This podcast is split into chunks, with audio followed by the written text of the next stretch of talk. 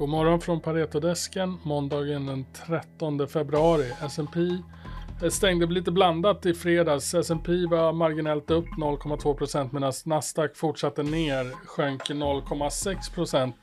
Och eh, den amerikanska marknaden eh, stängde ner för veckan, andra veckan i rad. Eh, framförallt tyngt av eh, svaghet i communications, men man kan säga att tech och tillväxt Eh, Eh, drar marknaden eh, neråt medan defensiva aktier håller, håller upp relativt väl. Eh, räntorna fortsätter uppåt, tioåringen ökade 40 punkter sedan dagen innan den starka sysselsättningsrapporten som kom veckan innan då, på fredagen veckan innan. Och det här är en ganska stark move och vi, det kommer vara väldigt intressant med, med de inflationsdata som vi får inflations och, och ja, generella datapunkter från den amerikanska ekonomin även denna vecka. Vi har inflationssiffra imorgon. Vi får även eh, small business eh, optimism eh, eh, siffror imorgon som kommer visa hur mindre företag då ser på, på det ekonomiska läget. Eh, rapportperioden eh, tuggar på. Vi har haft ungefär 70 procent av S&P 500 har rapporterat hittills. Vinsterna sjunker i det fjärde kvartalet med ungefär 4,9 procent för de bolag som har rapporterat. Det är en ganska mixad bild här där energi har gått starkt och visar stark vinsttillväxt medan större delen av, av marknaden ehm, eh, visar sjunkande vinster. Men framförallt så ser vi också att förväntansbilden för första halvåret, Q1 och Q2, har kommit ner ordentligt under den här rapportperioden totalt sett så förväntar sig ändå marknaden konsensus då ligger ändå för en marginell vinsttillväxt på lite drygt 2% för helåret 2023 och det här är lite eh, kan man säga med, med tanke på att det första halvåret ska starta så pass svagt då.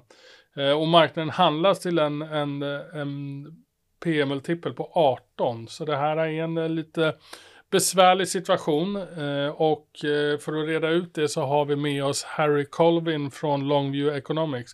Good morning Harry, please uh, update us on the current situation in markets.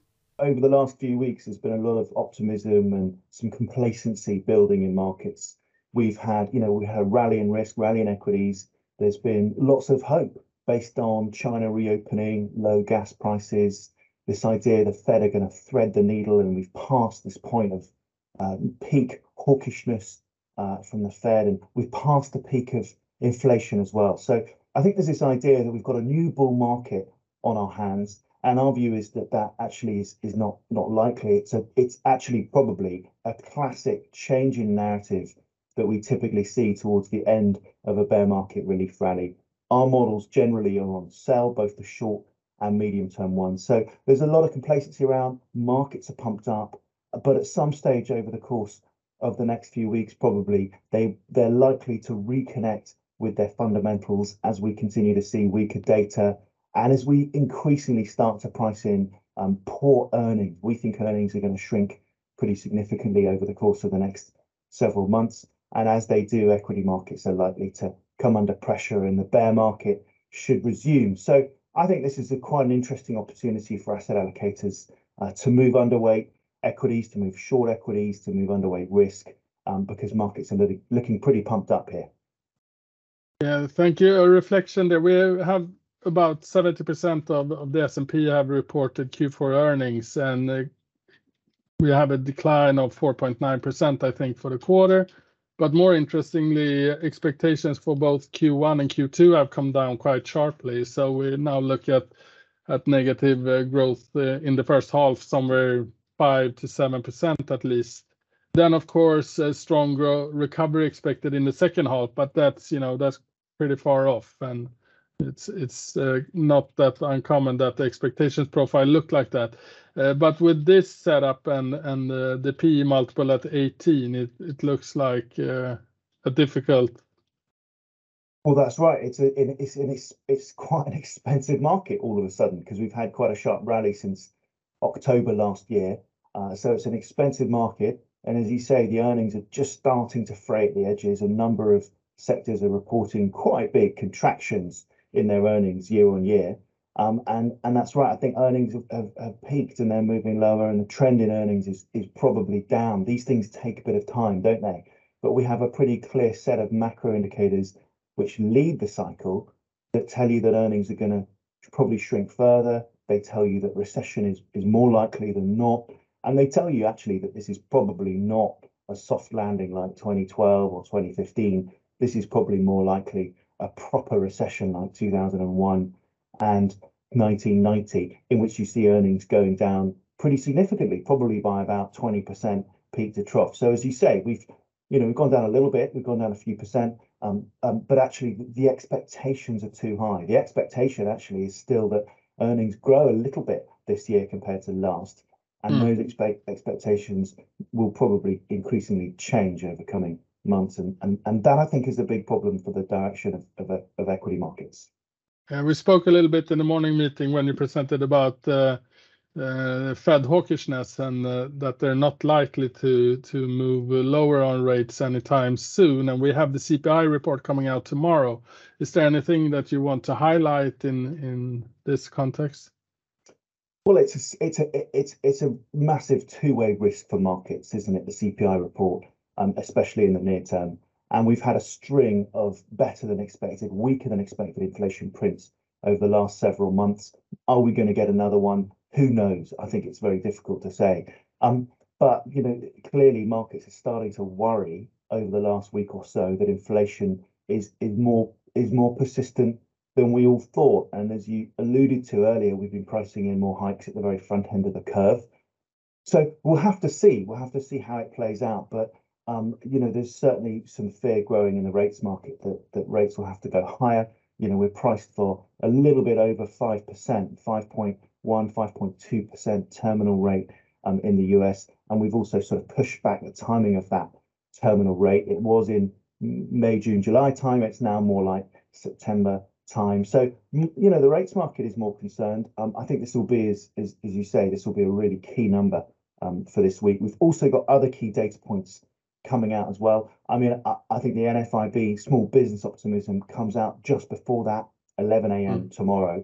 Um, and that's got lots of info in it. You know, that'll that'll give us a good read on um, what small businesses feel about inflation, what they feel about the availability of credit. I think it's a brilliant report. That'll give us some good insight. Also, on Friday, we've got the leading economic indicator for January, and that, that'll be interesting as well. It's pretty manufacturing heavy, um, but it's got a great track record of forecasting recessions whenever it's currently shrinking rapidly, so the January number will be will be interesting. Whenever it's shrinking this quickly, by the way, you always have a recession, or you're a few months away from one. So lots of interesting data coming out this week that I think will probably shape price action in markets.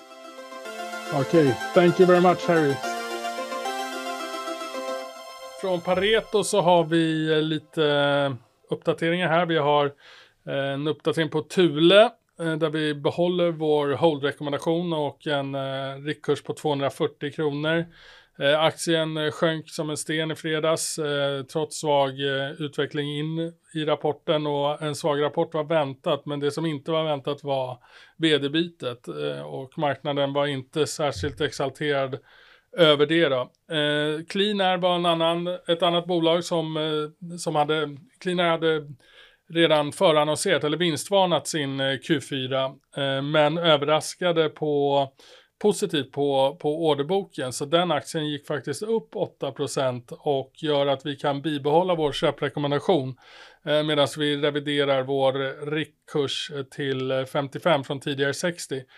Vi släpper även en uppdatering på Millicom, som hade rapport i fredags vid lunch. Eh, vi har en eh, köp på Millicom med en riktkurs i dollar på 25, motsvarar ungefär 260 kronor i SEK då. Eh, Millicoms rapport var helt i linje och det viktiga i den här Q4 var att man såg att kassaflödet utvecklades starkt. Det var det som var den stora, liksom, eh, oron inför rapporten och det här infriade man förväntningarna med ett ordentligt starkt eh, kassaflöde, både operationellt och till aktieägare i kvartalet.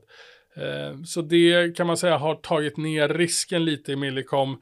Överlag så, så var det bra utveckling i de flesta marknader. Vi ser en bra organisk eh, tillväxt i service revenues, ebitda-marginalen håller upp. Eh, Geringen kommer ner även om den är fortsatt hög och bolaget behåller sina, sina midterm targets så att den rapporten är i, till stor del i linje. Sen finns det ju den här budsituationen kring Millicom och där äh, är bolaget stenhårda och kommenterar ingen, ingenting äh, kring detta. Men äh, som vi ser så är det ganska uppenbart, eller det pågår, det har bolaget sagt också, konfirmerat att det pågår diskussioner. Och vi får se vad det här, om det, om det materialiseras och på vilken nivå ett eventuellt bud kan komma på det. Men rent fundamentalt så fortsätter vi att tycka att eh, den här, den här, det här bolaget är, är ordentligt undervärderat och vi ser en fundamental uppsida i det och tror att det även kan få hjälp av det här potentiella budet. Utöver det på morgonen här så har vi två rapporter som vi ska prata med eh, våra analytiker med. Vi börjar med Ratos och analytiker Georg Attling. Ja, eh, Ratos släppte precis sin eh, Q4 här. Eh, överlag en relativt stark Q4 får man ändå säga i, eh, i de flesta bolagen i gruppen. Här har man ju tre affärsområden, Industry, Construction Services och Consumer. Eh, och både Construction Services och Industry där man har gjort eh, en hel del förvärv här på eh, senaste åren levererade ett ganska stark, en stark avslutning på året men precis som många andra eh, bolag med stor exponering mot konsumenten eh, så var även Ratos konsumentsegment eh, relativt svagt här i Q4. Eh, då är det ibland, eller främst eh, plantagen som, eh, eh som visar relativt stora förluster. Eh, så eh, kontentan av rapporten kan väl säga att det, det, det överlag relativt stark från de flesta bolagen men eh, förlusterna i eh, konsumentsegmentet eh, väger tyngre än det positiva vi ser i de andra affärsområdena. Så, så en relativt eh, svag rapport om man tittar på, om man tittar på ebitan. Nämner de någonting i outlooken för plantagen? Om, om man tittar på outlooken i stort så är de eh, fortsatt relativt positiva. Eh, de har ju stora orderböcker framförallt inom construction and services där mycket av projekten är eh, offentlig sektor och det är inte särskilt mycket eh, bostadsrelaterade projekt så, så där är det fortsatt starkt eh, men det verkar vara en relativt försiktig inställning till bouncebacken hos, hos konsumenten. Mm. Ja, och några detaljer på Semcon, hur Semcon har utvecklats? Inga detaljer än så länge får vi se här på kolet om de säger någonting, men, men Semcon var ju en av de eh, förvärven de gjorde under, under 2022 eh, och det och Nitec var ju de två stora eh, konsultförvärven som jag gjorde under, under förra året. Så förmodligen så har ju de gått relativt starkt om man tittar på de andra rapporterna i sektorn med Sweco och Afri här förra veckan så det är väl delvis det som driver det positiva resultatet om man bortser från konsumentsegmentet. Just det, vad kan du uppdatera på vår rekommendation och riktkurs? Ja, vi har en köprekommendation och eh, taget på 60 kronor. Ser du någon eh, betydande risk för någon stor förändring i syn på det här efter rapporten? Ja, men vi kommer nog komma ner eh, ett par kronor i alla fall på, på riktkursen till följd av eh, de här förlusterna i konsumentsegmentet. Vi, vi trodde ju att vi hade relativt eh, låga förväntningar på konsumentsegmentet men eh, det visade sig vara ännu lite tuffare än vad vi hade trott så där kommer vi få göra lite revideringar. Tack Georg. Tack. Och på morgonen har vi även fått eh, rapport från Castellum och med oss för att kommentera den har vi analytiker Viktor Hökenhammar. Yes, Castellum rapporterar idag sitt eh, fjärde kvartal i linje egentligen med våra förväntningar på värdeminskningar ungefär kring minus 4 procent. Eh, operationellt sett tycker vi att bolaget utvecklas väl med hyresintäkter jämförbart bestånd som ökar med ungefär 7,2 procent år över år. Det som sticker ut är att fastighetskostnaderna nu på riktigt börjar dra iväg som följd av stigande energi och uppvärmningskostnader. I jämförbart bestånd så ökar fastighetskostnaden med ungefär 20,1 procent eh, år över år. Största nyheten idag är dock att man avser att genomföra en nyemission om 10 miljarder kronor för att stärka sin eh, finansiella ställning. Det här är någonting som vi ser positivt eh, från Paretos sida på, på lång sikt. Då det allt annat lika såklart stärker sin finansiella position.